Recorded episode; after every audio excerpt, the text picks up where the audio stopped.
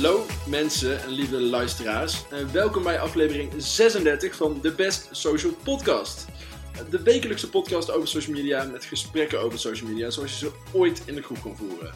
Nou, we bespreken social media met een kritische blik, maar we trekken ook iedere week een blik open met vaste rubrieken, actualiteiten, trends, virals, discussies, gasten, verhalen en verzin het allemaal maar.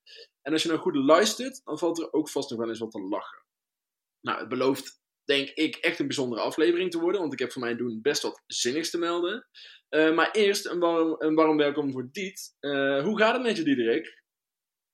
Goed, uh, lekker weer op afstand.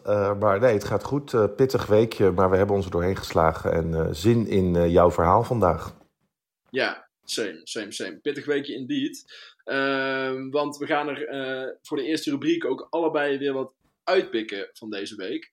En de mijne had dan dus ook wel echt uh, ja, betrekking op de rellen. Nou, uh, ja, je kunt er alle disclaimers en understatements over maken dat het gewoon één grote uh, gekke bende was in Nederland. En ja, ook op social media slaat het de klok, om het zo even te noemen. De avondklok. En um, nou, wat je dan ook ziet, is de berichten op Twitter en op Insta. En dan was dus Jordi van de Bovenkamp, die reclameman woordgrappenmaker. Um, destijds bekend van Boomerang. Zat ook ooit in de podcast. Zeker, zat ook ooit in de podcast, ja.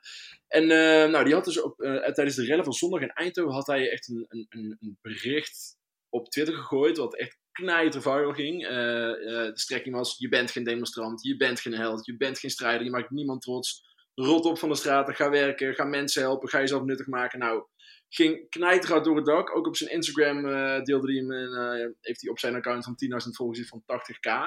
Maar wat je dan ook krijgt, is weer, het is een beetje de, de sub-Twitter cultuur dan. De mensen die dan weer gaan zeiken hoe walgelijk ze zulke berichten vinden. En ik vind, uh, Sander Schimmel wat, ben ik wat, vind, wat, vonden ze, wat vinden ze precies zo walgelijk aan? Want misschien is dat niet meteen duidelijk in de manier waarop je het voorgelezen hebt. Maar Nee, Snap ik, want je, nou, maar het gaat ook niet voor niets best wel viral bij Jordi. Dus uh, volgens velen is het gewoon heel erg de spijker op zijn kop.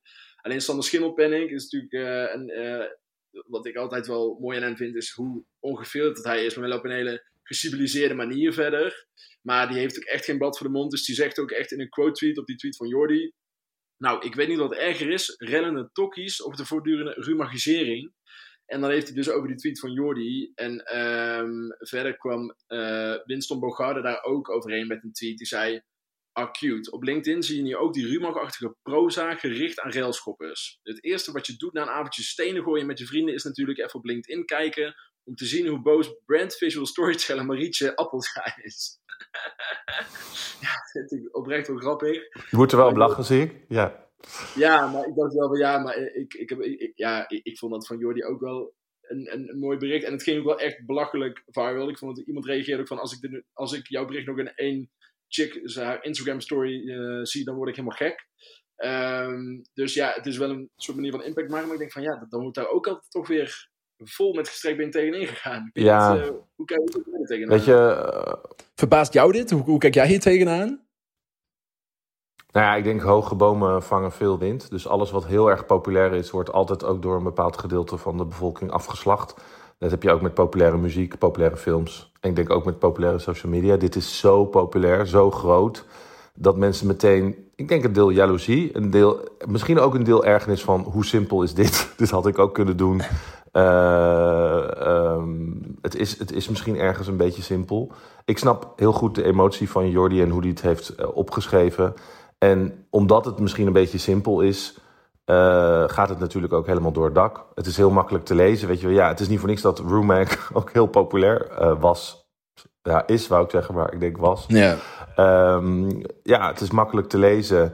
En het is daarmee inderdaad een beetje ja, simpel ergens, maar het spreekt aan. En ik, ik, ik moet er niet van kotsen. Ik moet misschien. Ja, het is natuurlijk wel altijd zo. Dat heb je altijd. Kijk, mensen Oké, nu, ik heb mediacultuur gestudeerd. Er zijn van die theorieën van uh, onder andere, dat heet uh, Bourdieu. En dan, uh, jij bepaalt jouw status door je af te zetten tegen andermans status. Dat is zeg maar hoe het in de media heel erg werkt. Dus daarom vinden mensen het heel belangrijk om naar bijvoorbeeld ballet te gaan.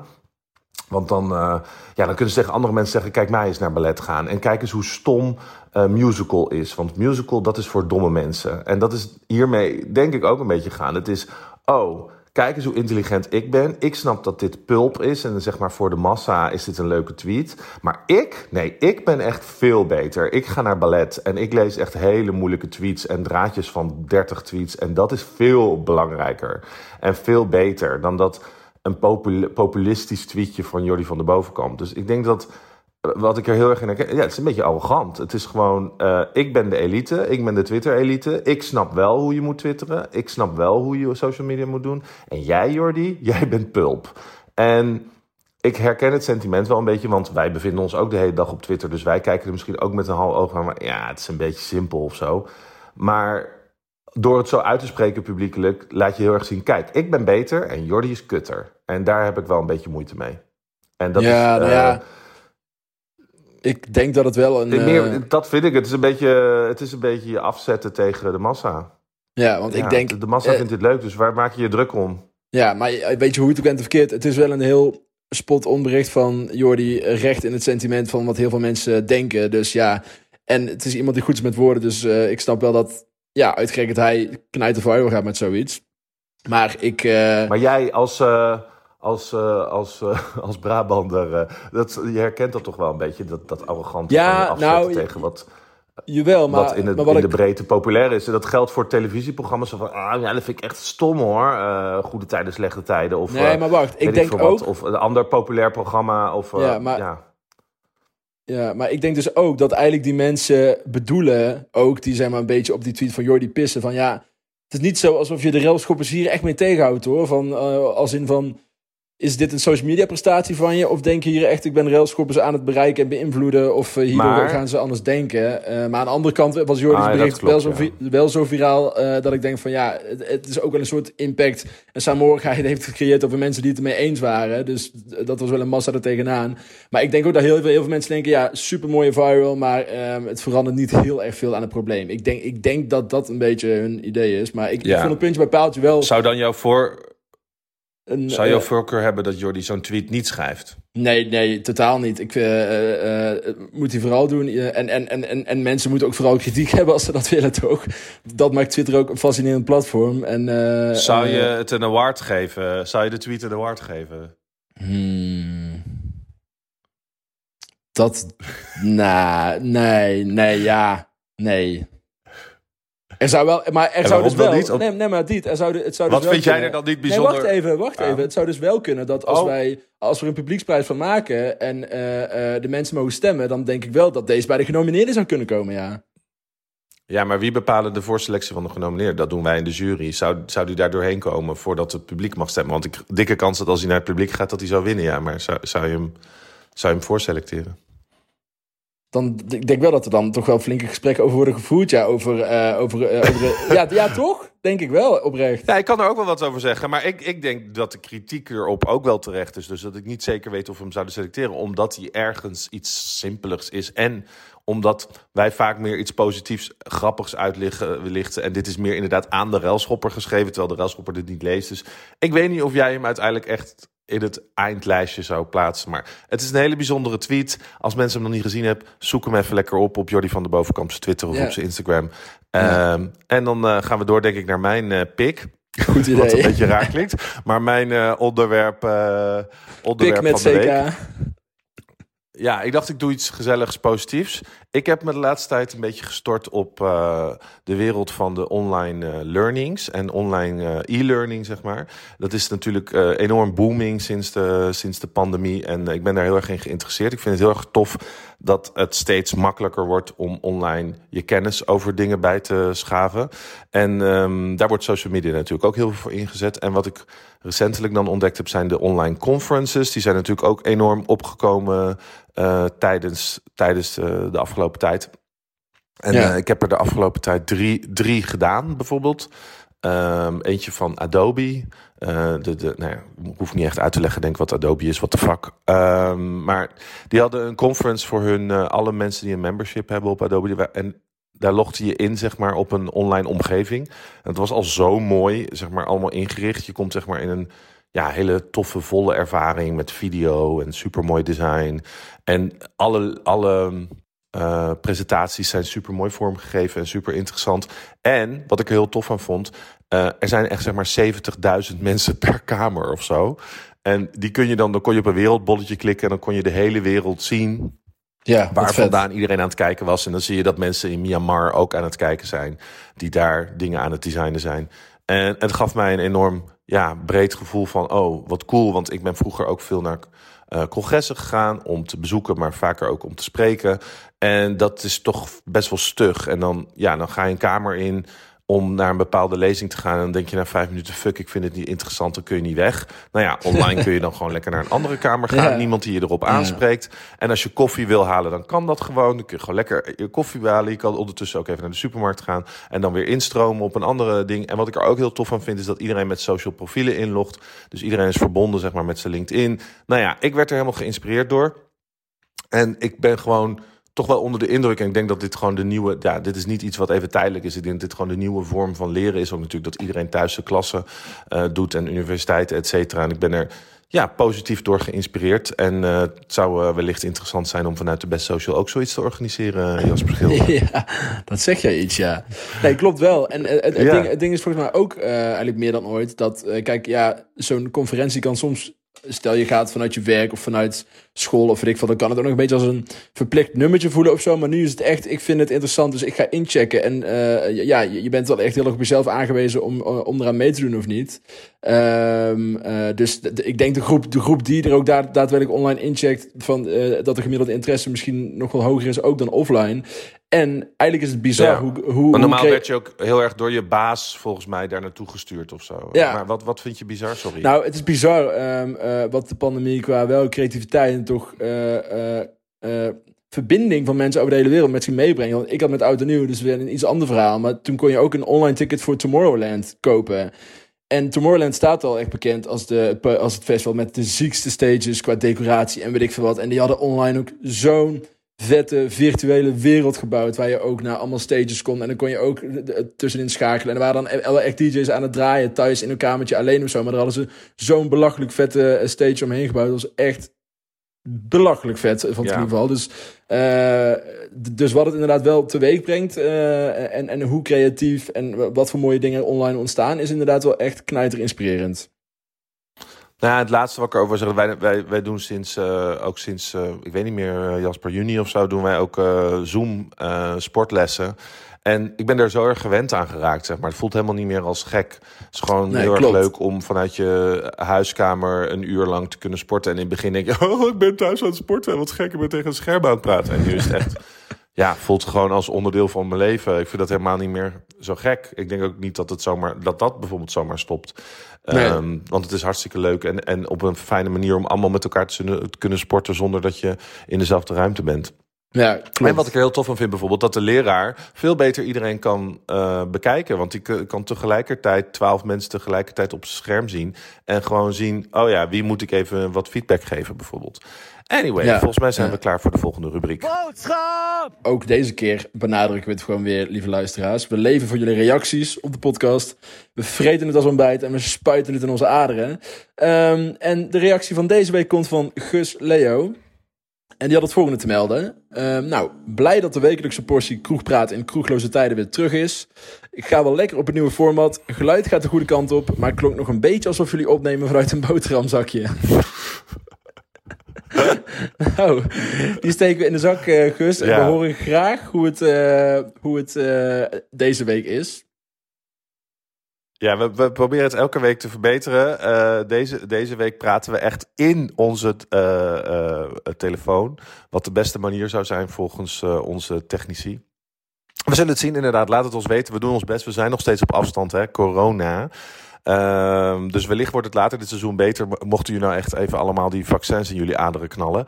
Maar voor nu uh, is het op afstand, dus weet ik niet of het heel snel heel veel beter wordt. Uh, maar wil jij ook reageren en meedoen aan de podcast? Dan uh, kan. Laat lekker een berichtje achter via ons telefoonnummer. Zoals Gus Leo heeft gedaan. 06 23 99 2158. Schrijf een review in de podcast app. dat is überhaupt fijn voor het algoritme. Maar vinden we ook gewoon heel erg leuk om te lezen. Of schreeuw iets in onze pot op, uh, op Telegram. Ehm, dat is een bescheiden groep mensen die onze podcast dierbaar is.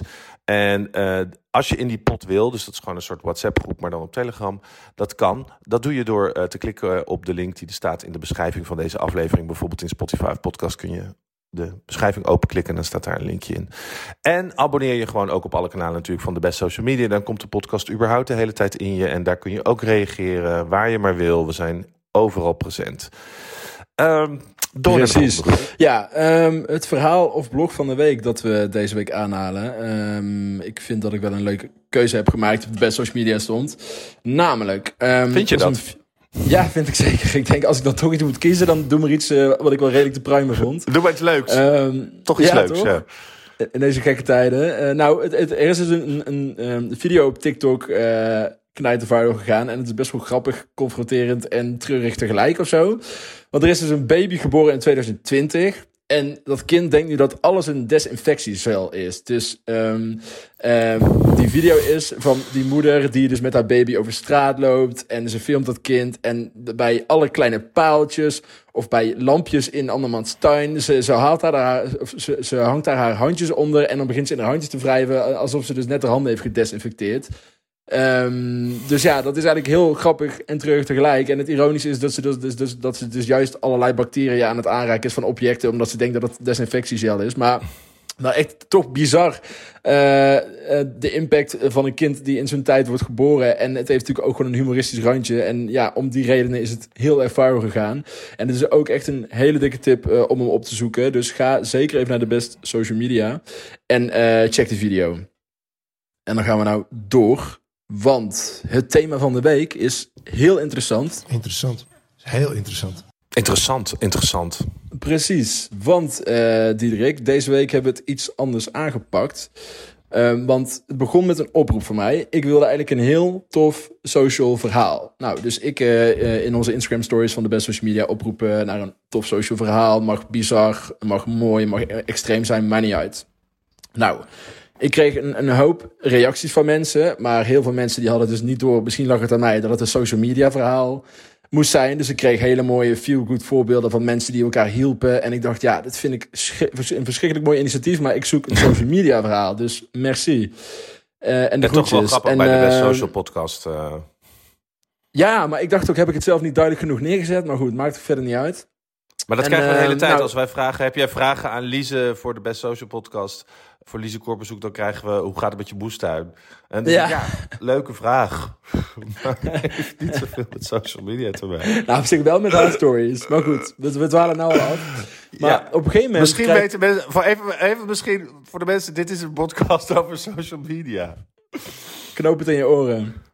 Maar goed, dus um, op een gegeven moment krijg ik een, guy in de inbox. En die zegt... Hey, um, ik verkoop al ongeveer twee jaar OG usernames. Het is een shady business, maar vaak legaal.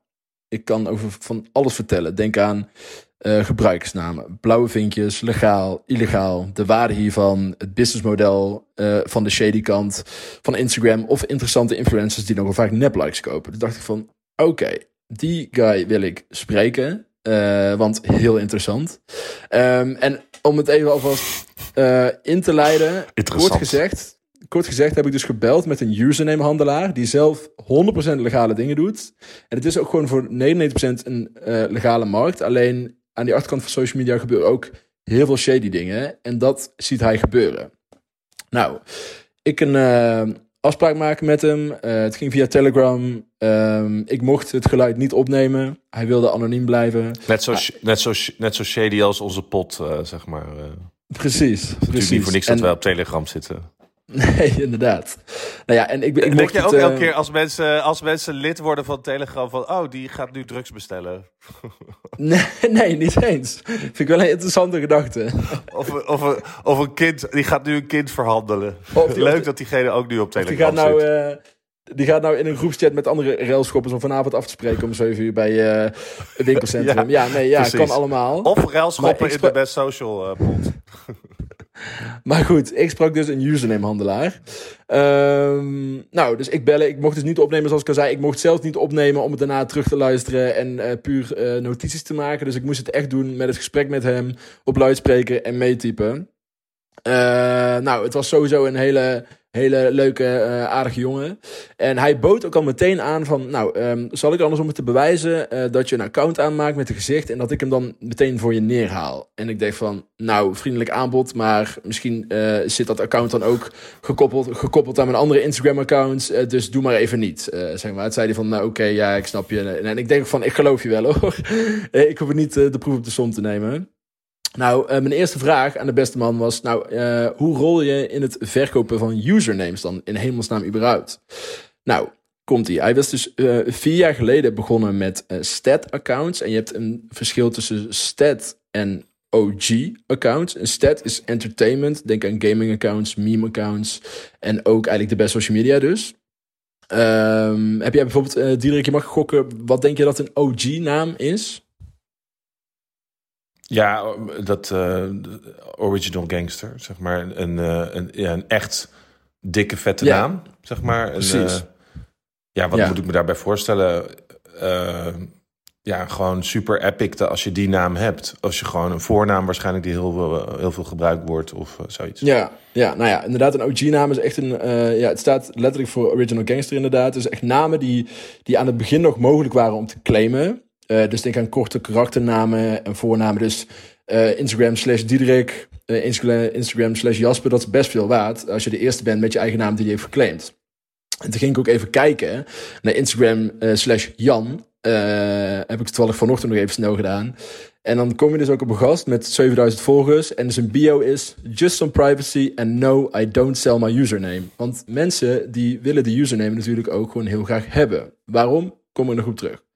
Um, dus uh, hij, hij deed stat, dat verder is entertainmentpagina's, maar ook OG-names. Nou, en op een gegeven moment kocht hij de handle, handle is dus een username, uh, kocht hij de handle Kaas op Instagram. En die kocht hij voor 39 euro. En een half jaar later verkocht hij die voor 400 euro. Nou, dus toen dacht hij van oké, zit hier enige handel in. Uh, vier letternamen van 15 euro kocht hij dan. En iedere naam is dan tegenwoordig 30 euro. Dus hij kocht een aantal namen om te flippen. Nou, en waar je dat doet, want ik vroeg ook van ja, in welke krochten van het internet doe je dat? Uh, maar er is dus gewoon een site, ogus.com. Dat is een site waar je handelsnamen kunt kopen. En het is ook gewoon echt legale business verder. Hè? Uh, er is ook gewoon handel in, maar, usernamen. Is dat niet uh, vergelijkbaar met zeg maar website domeinen verhandelen? Bijvoorbeeld, ja, zeker. Zeg maar ook, zijn... je, je koopt hallo, hallo.com en je verkoopt hem later door aan een nieuw bedrijf wat zich hallo, ja. hallo gaat noemen. Ja, nee zeker. En okay, ja. uh, in, feite, in feite heten die dingen ook marketplaces online, waar je gewoon letterlijk de gebruikersnamen kunt kopen en zo. Nou, dus, maar ik, ik vroeg aan hem van, oké, uh, oké, okay, okay, en om wat voor bedragen gaat het bij jou? Nou, um, hij is 17 jaar en hij verdient er al 2000 per maand uh, mee, dus dat doet, doet hij best leuk. Uh, maar hij zei van, ja, je moet het echt zien als een soort side hustle, om zijn woorden te gebruiken. Zoals mensen, zo ook een sneaker resell, dat soort dingen. Um, nou, oké. Mijn uh, volgende vraag is: kun je ook wat vertellen over de manieren om aan een username te komen? Verschilt dat per platform? Nou, hij zegt er zijn ongeveer drie manieren om aan een username te komen. Eén is dus gewoon normaal kopen op uh, bijvoorbeeld. Twee is trademarken of requesten dus bij Instagram. Dus simpel gezegd, letterlijk aan een corrupte werknemer of goedgelovige werknemer met een lulverhaal een username vragen doet hij dus niet, maar uh, uh, die manier is er dus wel. Of een username claim swappen. En dat houdt eigenlijk in dat je uh, tientallen keren probeert om een username te claimen met proxies, VPN, etc. En als die vrijkomt, heb je de username. Dus er zijn eigenlijk drie manieren: kopen, requesten bij een corrupte werknemer dan eventueel en hem claimen, uh, swappen. Dat is iets meer technisch. Wacht even, maar dat claimen, swappen, dat is niet helemaal duidelijk voor mij. Hoe werkt dat dan precies? Wat gebeurt er ehm, dan? Ja, precies. Nou, um, als je swapt, dan ben je eigenlijk um, de, uh, de, ja, de, de, codering van Instagram aan de uh, achterkant dusdanig aan het beïnvloeden. Uh, net zo vaak zodat het lukt om een username te krijgen. Dus het is eigenlijk ook gewoon een illegale manier van de achterklep van Instagram te beïnvloeden. Zijn er soort botjes die dat nalopen of zo? Of... Ja, ja, daar hebben ze dan ook hun. Nou ja manieren voor. Uh, manieren maar voor, ja. ja. Ja, kijk, ik, ik wou dat ik er uh, nog beter en gespecificeerder op in kon gaan. Maar ik uh, vroeg me ook af van, ja, hoe werkt de waardebepaling van een username? Diederik, heb jij bijvoorbeeld enig idee hoe een, een, een, een één letternaam op TikTok, hoe, hoeveel dat waard is? Mag dat één letter? Ja? Uh, 100.000 euro? 10, 50.000 euro? Nou, het ligt dus nog wel een redelijk uh, stukje lager in ieder geval. Het is in ieder geval 5000 dollar, maar het is wel een redelijke logische, uh, logisch gegeven. Kijk, van één letternamen zijn er maar 24. Dus die zijn veel meer waard. En een, eh, een twee letternaam is dan 1000 euro en een drie letternaam heb je dan misschien wel voor 150. Zijn woorden. Maar een ander maar voorbeeld dat zou is nu, Ik denk dat dat over een paar jaar, als je over een paar jaar in TikTok wordt nog groter en je kan de letter A hebben of zo, dan denk ik dat dat inderdaad wel meer is dan 5000 euro misschien. Ja, zeker. Who knows? Nou, bijvoorbeeld op, uh, op Instagram is uh, de username R, gewoon echt die letter, is voor 25.000 dollar verkocht.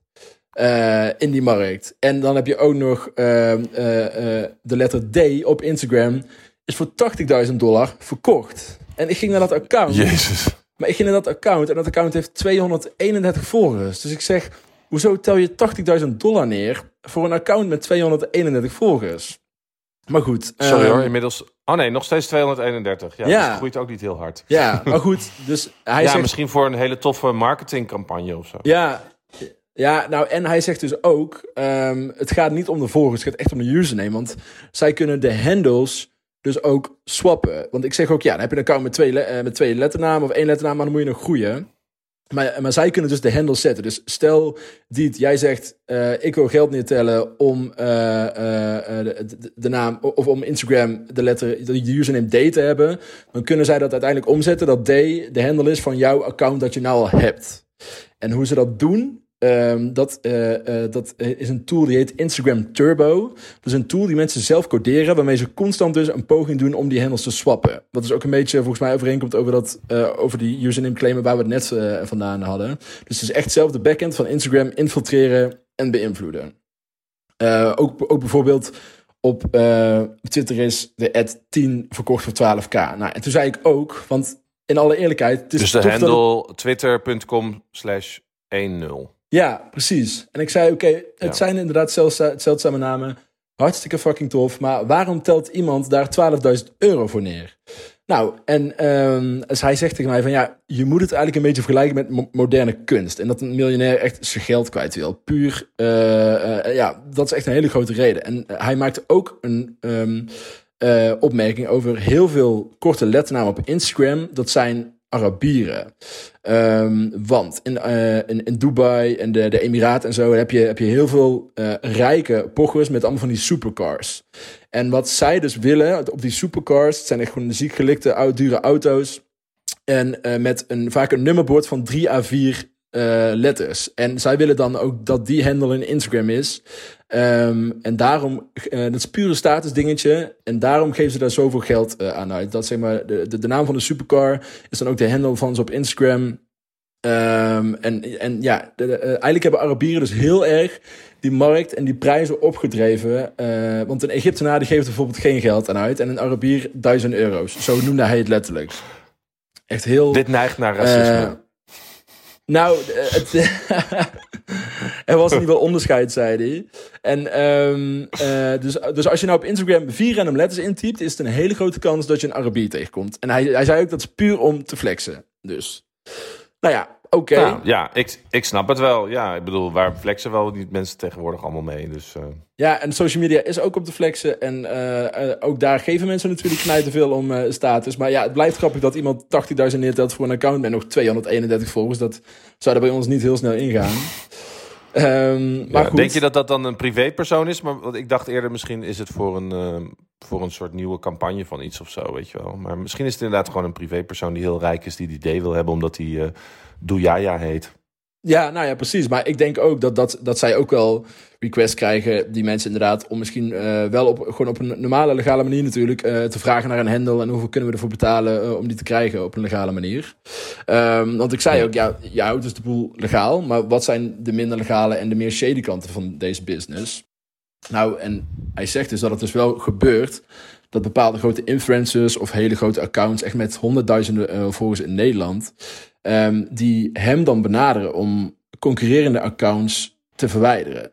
Dus ehm, of ze zeg maar echt andere grote uh, entertainmentpagina's of grote influencers willen, willen verwijderen voor een paar honderd euro per stuk heb je het dan ook nog maar over. En die verzoeken, die gebeuren dus best wel regelmatig. Maar hij houdt zich daar totaal niet mee bezig.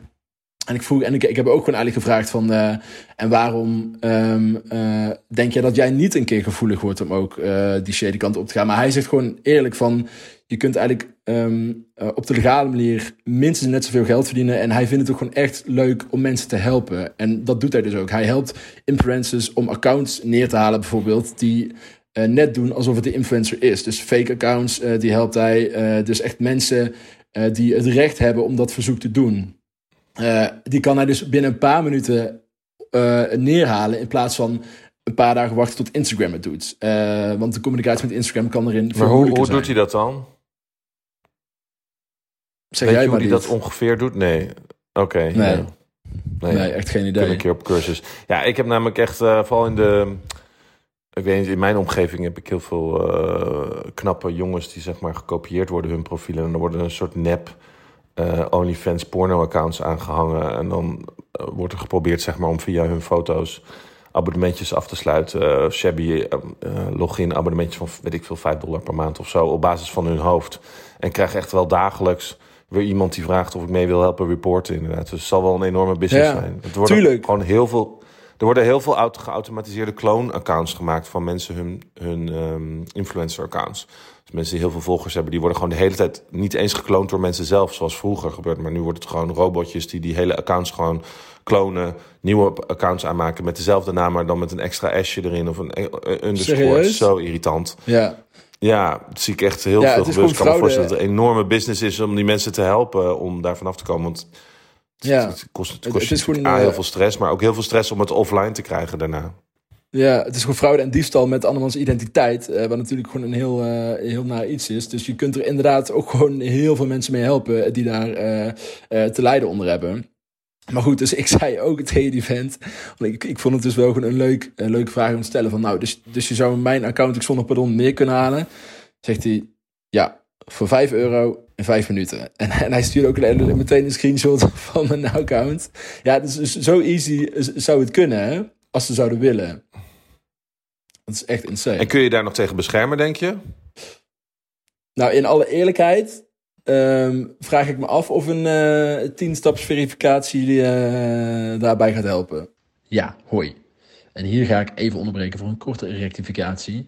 En ik gebruik even de woorden van de vriendelijke vriend zelf die ik heb geïnterviewd. Namelijk, er zijn verschillende manieren waarop we accounts kunnen verwijderen. Sneller dan via Instagram support. Kort gezegd zijn er twee manieren. De makkelijke, die relatief veel mensen hebben, waar je accounts tot 30.000 volgers kan verwijderen, mits er een gezicht op de profielfoto staat. En een iets uitgebreidere manier die ik en een selectief groepje heeft, waar we alleen juiste en dus accounts verwijderen tegen de richtlijnen van Instagram. De reden van de grens van 30k volgers is dat je een andere methode gebruikt voor accounts tot 100k. Deze methode hebben alleen een paar goede personen met de juiste bedoelingen en intenties. Zoals mij en twee anderen wie ik van naam ken. Het is, ligt dus iets genuanceerder dan dat zomaar ieder groot account offline kan worden gehaald. Sterker nog, boven de 100k volgers ben je zelfs iets veiliger. Maar geloof jij dit? Geloof jij dit? Is dat echt zo? Oh nee, ik moet mensen nu niet... Nee, alsjeblieft, doe het Nee, niet. ja. Bedankt. nee, maar ik, ik, ik, ik, ik, ik, vond het wel, ik was wel te getriggerd om die vraag te stellen. En hij zei ook van ja, 5 euro is trouwens wel echt de prijs die de meeste mensen vragen eh, met de meest voorkomende methode. Maar hij vraagt eh, meer omdat hij ook grote eh, accounts doet en dan nog gewoon officieel. En dan niet iemand omdat ik degene niet mag eh, of hardwerkende mensen. Mhm. gewoon, gewoon voor het goede wat hij dus vertelde. Nou ja, en hij... Vroeger, eh, vroeger, toen ik begon met, met chatten, ehm, dan kon je, ja, hoe heette dat, nuken of zo? Dan kon je gewoon mensen via een bepaald programmaatje, kon ik als ik hun IP-adres zag, want vroeger zag je dat gewoon nog in een chatbox staan, dan kon ik hun computer uitzetten. Echt? En dat kon gewoon. Dat- ja, dat kon ik gewoon zelf ook. En dat was best wel populair onder die chatbox. En dan kon je gewoon... Oh, hier is de IP van deze... En dat was gewoon als grapje onder vrienden ook. Ik zet even je computer uit. En dan, zo- Ja. en dan werd je gewoon uit alles gegooid en werd je computer afgesloten. Gewoon met, met een simpel, heel klein toeltje. En dit, dit, we hebben het over eh, 1998 of zo, hè? 1999, gewoon meer dan 20 jaar geleden dat dat al mogelijk was. Dus ja, ik Ja. kan me voorstellen dat er genoeg mogelijk is. Ik vraag me alleen af of Instagram hier niet meer aan moet doen als dit echt zo simpel zou zijn. Want dat, dat moet toch niet kunnen, joh. Nou ja, goed, Ja. we gaan door. Ja. Ja, nou ja, en ehm, zeg maar die, eh, die grote Twitter-hack en Bitcoin-scam van een tijdje terug, dat Elon Musk en eh, nog meer andere hele grote namen dus werden gehackt met een soort ja, eh, Bitcoin-scam. Ik denk dat de meeste mensen die nog wel kennen. Toen vroeg oh, eh, hij, kende een van die drie mensen een beetje uit de wereld. Dus, dus op de manier kennen zoals je mensen daar kent. Nooit offline ontmoet waarschijnlijk. Maar ehm, eh, OG-users kreeg blijkbaar daardoor een beetje een slechte naam. Want wat zij eigenlijk probeerden was inbreken op Twitter ehm, bij een admin-account om namen te hacken. Ehm, en er is dus ook een verschil tussen hacken en social engineering. Ehm, ja, het klinkt heel fancy social engineering, maar ik weet niet of jij enig idee hebt wat het in zou kunnen houden, Diet? Nee, vertel maar. Nee, het, is, ehm, het komt erop neer dat je eigenlijk elk security level inkomt met een soort smoesje. ehm, zodat ze uiteindelijk kunnen infiltreren bij de admin van Twitter. En dat heeft blijkbaar ook een eh, soort overeenkomst met SIM-swappen. Bijvoorbeeld de TikToker Dixie D'Amelio. Echt een ontzettend grote social media persoonlijkheid met 15 miljoen TikTok-volgers. Bij haar is het ook geprobeerd. En je gaat eigenlijk steeds met een ander smoesje. ehm, ga je eh, een stapje omhoog in de security level. En zeg maar, het komt erop neer. Je gaat informatie van die persoon proberen te achterhalen. En bij een publiek figuur heb je de voornamen en de doopnamen. Die, die staan gewoon ergens op het internet. Maar in feite komt het echt eh, neer op het feit dat je. Ehm, dat ze eigenlijk bij talloze verschillende bedrijven stukjes informatie vragen van die persoon. Eh, dus bijvoorbeeld, je zegt, nou, ik ben Dixie D'Amelio, ik ben mijn mailadres vergeten, ehm eh, eh, bladibladibla. En dan kunnen zij dus wel een, manier krijgen van, om uiteindelijk haar mailadres te achterhalen. En dan bij een andere partij zeggen ze van, oké, ja, dit is mijn iedere e-mailadres, maar ik ben even het nummer kwijt dat hieraan is gekoppeld. Ehm, maar wat is mijn nummer dan, zeg maar? Nou, en dan hebben ze de nummer en dan vragen ze bij een ander bedrijf weer, ik ben mijn pukcode kwijt, maar dit is mijn nummer. En dit, dit klinkt heel erg Jip en Janneke hoor, als- alsof het zo makkelijk kan. Maar het komt echt neer op bij ieder bedrijf kleine stukjes informatie los proberen te weken. En het is natuurlijk wel zo dat ze misschien bij duizend bedrijven dit proberen en dan bij drie à vier toch iets los krijgen eh, op een bepaalde manier. En ehm, zo is eh, uiteindelijk eh, Dixie D'Amelio haar nummer ge, gesimswapt, blijkbaar. Ehm, en zo is er ook een shady kant dat bepaalde mensen in die wereld, die bannen grote accounts en die vragen dan geld eh, eh, aan die grote influencers om het account voor die persoon weer terug te halen. Ehm, dus ja, dat gebeurt ook gewoon. Maar en toen zei eh, de persoon waarmee ik belde met, nou ja, als ik iemand moet verwijderen, hij, kon het ook niet eh, genoeg benadrukken. Dus dat wilde ik ook echt voor hem doen. Hij zei van, ik doe het echt alleen eerlijk. En als ik iemand moet verwijderen, is, is het omdat het echt een, eh, een, ja, een, een nep iemand is of iemand die anderen kopieert. Maar dit gebeurt dus inderdaad op die manier. Mensen dus van binnenuit stukjes informatie eh, die persoon eh, account eh, weghalen en daarna weer aankloppen van ja, ik heb je account, ik kan hem weer online zetten, maar het gaat je wat duiten kosten. Gebeurt.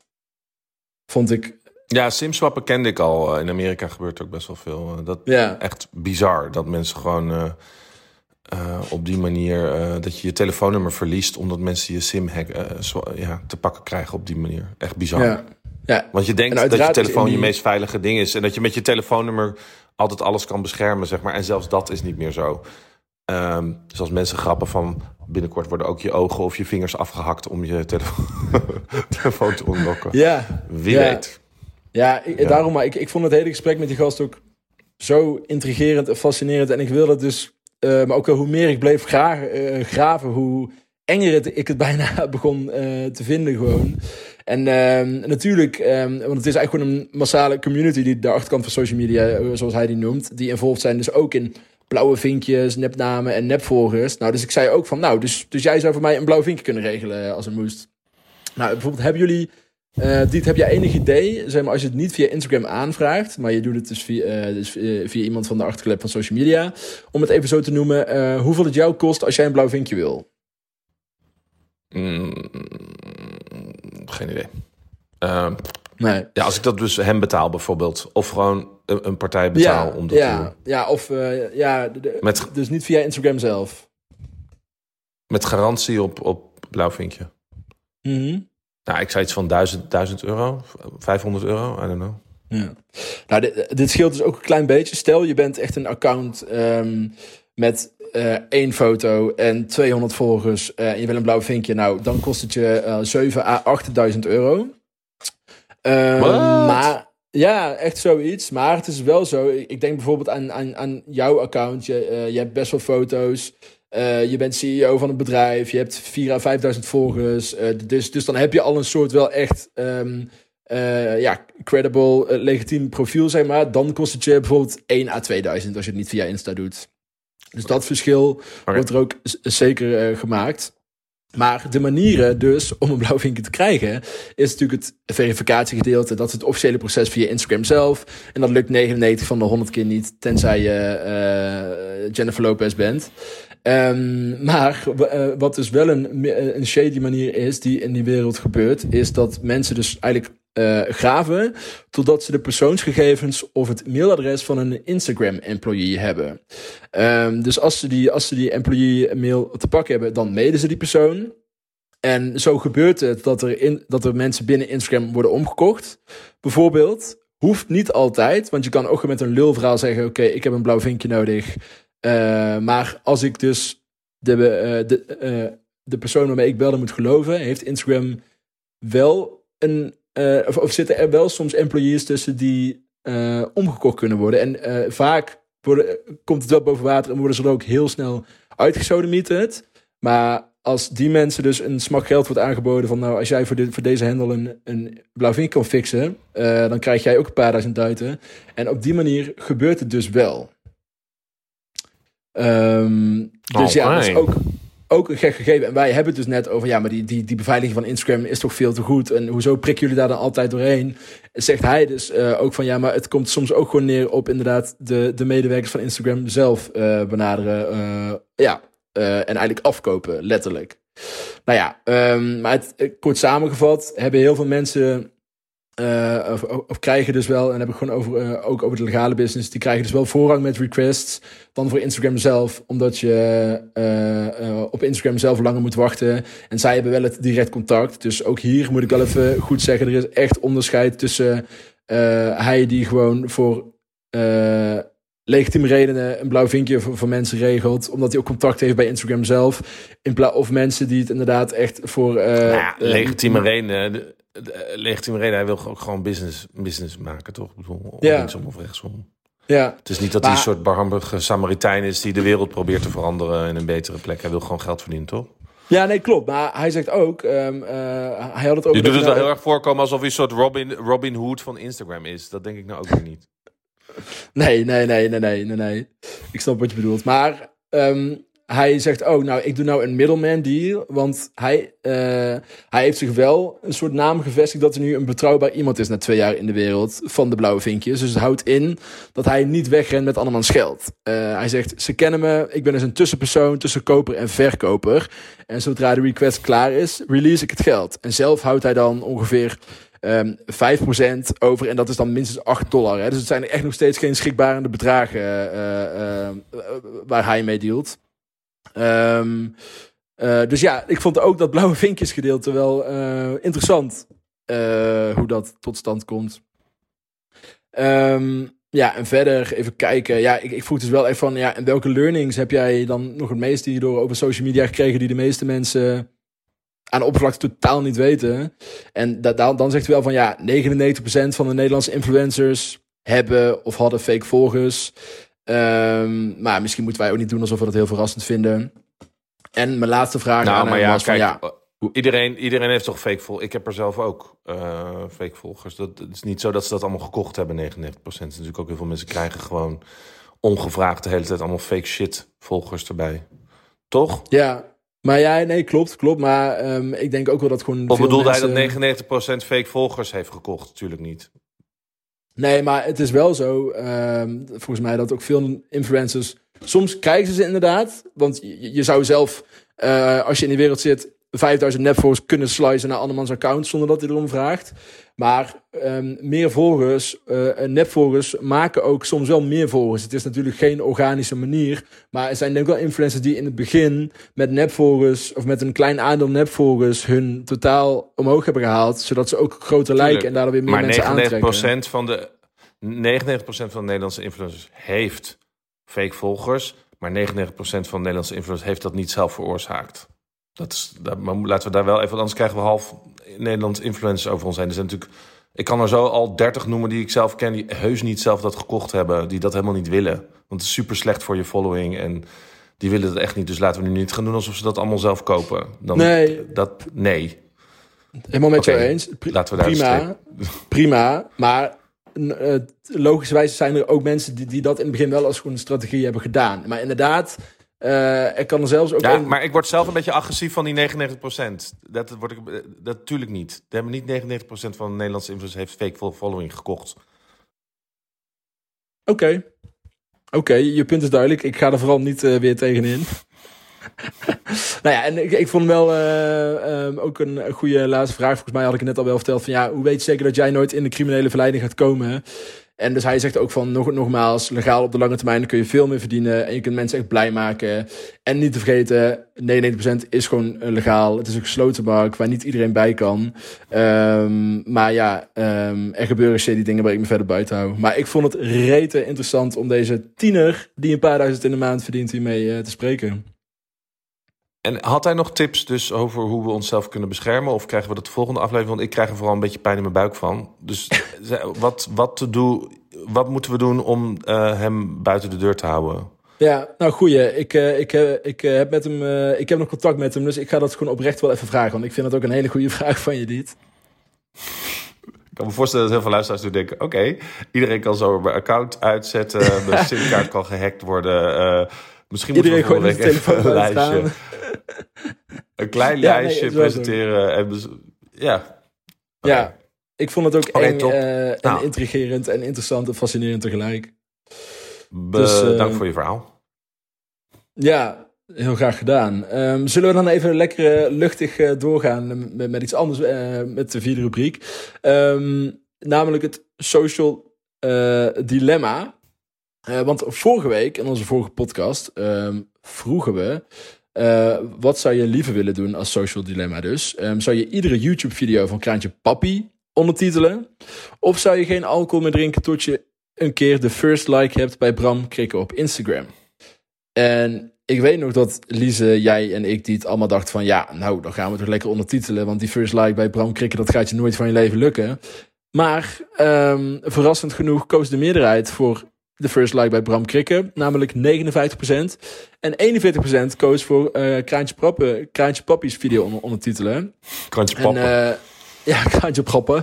En de grap is dat Kraan uh, zelf ook reageerde op Instagram met haha yes, beide superkut. En ja, dus de cirkel was ook mooi rond. Um, maar goed, um, dat gezegd hebben, is er natuurlijk ook deze week weer een nieuw social dilemma, Diederik. Die ga ik aan jou geven en die ga ik ook aan al onze luisteraars en volgers geven. En jij mag kiezen, want um, nooit meer katten op het internet. Of iedere keer dat je Instagram opent, kots je een haarbal uit. Ja, geen katten meer. Oh ja, dat Dan kijk ik echt... wel naar honden. Ja, maar, maar ja, Ja, nee, precies. ja, Maar ik hoeveel- vind katten hoeveel- geweldig, uh, maar nee, ja, ik kijk veel naar katten. Uh, daar het vorige week nog over gehad. Maar ik, ik heb honden ook prima. Ik vind het wel egoïstisch, want, want je ontneemt de wereld katten op het internet, hè, zodat jij geen haarbal uitkotst. Ja, ik zag trouwens vanochtend een aapje op TikTok. Echt super populair. Met echt 5 miljoen likes per fucking TikTok. En die krijgt dan allemaal producten opgestuurd van mensen die die uit moet pakken. Maar ho, mensen, aapjes, die horen toch gewoon Ja. in de natuur te zijn. Of uh, ja, maar. En dan iedereen applaudisseert daarvoor. Dan denk ik: oké, deze, deze filmpjes worden 5 miljoen keer bekeken. Weet je hoeveel mensen hierdoor een aapje illegaal in hun fucking huis gaan nemen en daar. Die ook pakketjes gaan te laten denken- uitpakken. En Ik, zat- ja, ik zat me te denken, niet dit, oké. Dus nee, dit, is- ja, wat zat je te ja, denken? Dit, zou, nu best een interessant onderwerp zijn voor een volgende podcast. Want inderdaad, eh, er is, ook steeds meer discussie over dierentuindieren die in een bepaald gevangenschap leven voor andermans entertainment. Circusdieren die eh, op die Ja. manier verneu verneukt worden. En Dus- met social media eh, is die hoek er eigenlijk ook gewoon. Ja, het voelt een beetje zoals kinderen uitbuiten voor social, weet je wel. Dat is ook met dieren zo. En het stoort me echt enorm. En je hebt, je hebt echt veel nu. Dus, eh, ook, ook al die stomme pakjes van, van die mensen hun eh, dieren aantrekken om maar likes te krijgen. Hou daarmee op. Ehm, Ja. Maar ja, goed, ik, eh, ik, ik ben er altijd heel erg gevoelig voor. Ik kan er echt niet tegen. Dus dat er geen katten meer zijn, misschien ook goed voor de katten. Dan kunnen ze gewoon lekker even chillen en een kat zijn. En gewoon Ja. hoeven ze niet de hele tijd fucking memes te zijn. En de hele tijd te poseren. Dus zonder twijfel geen katten meer. Ja, denk ik Geen dat... probleem. Dan doen Ja, we wel honden. Maar hou die honden alsjeblieft eh, vrij van pakjes en fotoshoots. En springen over hula hoops of weet ik veel wat. Laat die hond gewoon een hond zijn, alsjeblieft. Duidelijke taal, laat de honden een hond zijn. Nou jongens, ehm, tegen Ja. de tijd dat, dat jullie dit luisteren... kunnen jullie ook in de Instagram story van de best social media stemmen op deze poll. Dus doe dat vooral en dan hoor je de uitslag volgende week. Ehm, dan krijg jij, Diederik, van mij nog een rubriek... die je alleen maar fout kunt hebben. Daarom vind ik hem zelf heel erg fijn. Dat is namelijk eh, de influencer caption. En jij mag raden van wie die is. En hij is eh, erg, erg kort deze week. Namelijk de caption is... January 74th. En het is weer een Nederlander die een Engelse tekst eh, doet. Ja, Ehm, January 74th. Hmm. Eh, ja, Dave Rolfink. Na alle... alle leek me dat een logische keus om eh, hem... Ja, ik vind het, Nee, een, niet nee, ik vind het een hele mooie keuze, maar het is hem niet. Het is, het is Queen of Jetlags. Terwijl ze in een Amsterdamse... Oh, in een Kato's, Amsterdamse Kato's parkeer- favorietje. ja, terwijl ze in een Amsterdamse parkeergarage staat eh, te poseren. Ehm, dat was de... leuk. En wat betekent dat? Nou, ik, bedoel je de, de, eh, eh, de kopie of wat? Ja, Ja, ja, de caption is gewoon dat eh, January oneindig voelt. En eh, de relatie met eh, de oh, parkeerplek... jezus. Wauw. ja. Dat ja, gaan we er niet uitknippen, maar ik voel me redelijk eh gênant nu. Wat ik neem? Ja, ja, ik dus snap dat... het niet, maar bedankt Queen of Jetlags. Dit is, een, is het altijd, zeg maar, 74? Of, of plaats je welk nummer dan ook in deze Nee, internettrend ik van het ik klagen over januari? Ik denk dat het eh, ieder denkbaar nummer na eh, de, de 31 is. eh Nou ja, als ik dus queen nee, was geweest, ik weet niet hoe 74. haar... Als, als ik de queen, als ik zelf de queen van de jetlags was geweest... dan had ik misschien voor mijn following de caption letterlijker gemaakt. Dus als ik haar feedback had mogen geven op haar social media strategie... had ik gezegd, it feels like January 70. Zoiets, weet je wel? Maar hey, ik ben niet de Zodat- social zodat media jij het ook redacteur of begrijpen. eindredacteur van Queen of Jetlags, helaas. Mocht Queen wel graag social media advies van me willen hebben... eh Diederik Broekhuis op Instagram. Bel hem. Of En daarmee zijn we Nou, aan het einde ook- gekomen. Of bijna aan het einde gekomen. Of van deze podcast. Bijna, want ik, ik wil in ieder geval ook iedere luisteraar stimuleren. Kom jij nou een caption tegen op Instagram van een influencer waarvan je denkt... slaat kant nog wel, maar toch hebben ze alle recht om die te plaatsen. Deel het met ons, eh, want dan kan ik hem volgende week voorleggen aan Diederik. Nou, doe ook vooral dus een review op iTunes. Trek je back open over onze podcast via Instagram en onze DM's van de best social media. Join onze pod, de groepschat op Telegram, om daar even te rellen.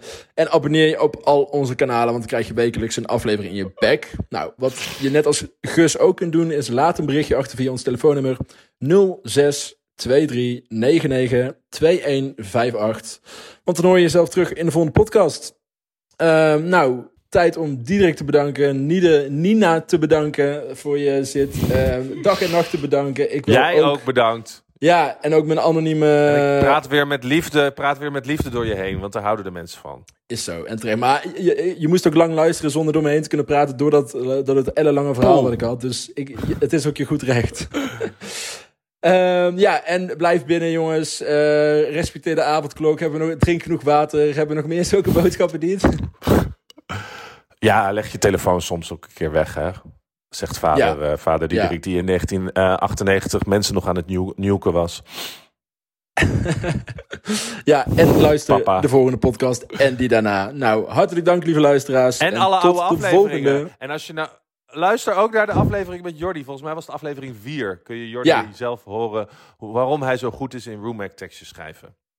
Ja, maar laten we Jordi niet- niet te kort doen, hè? Jordi, als je luistert, Was een grapje, dat kan Jordi echt wel aan hoor. is zo, is zo. Maar ik ben, ik ben bang dat, dat de volgende viral over ons gaat, niet. Nou, te groeten. Nee, nee, mijn account wordt neergehaald. Mijn account wordt neergehaald. Niet doen, jongens. Niet neerhalen. Joejoe, doei doei, rustig dit. Doei, doei, doei.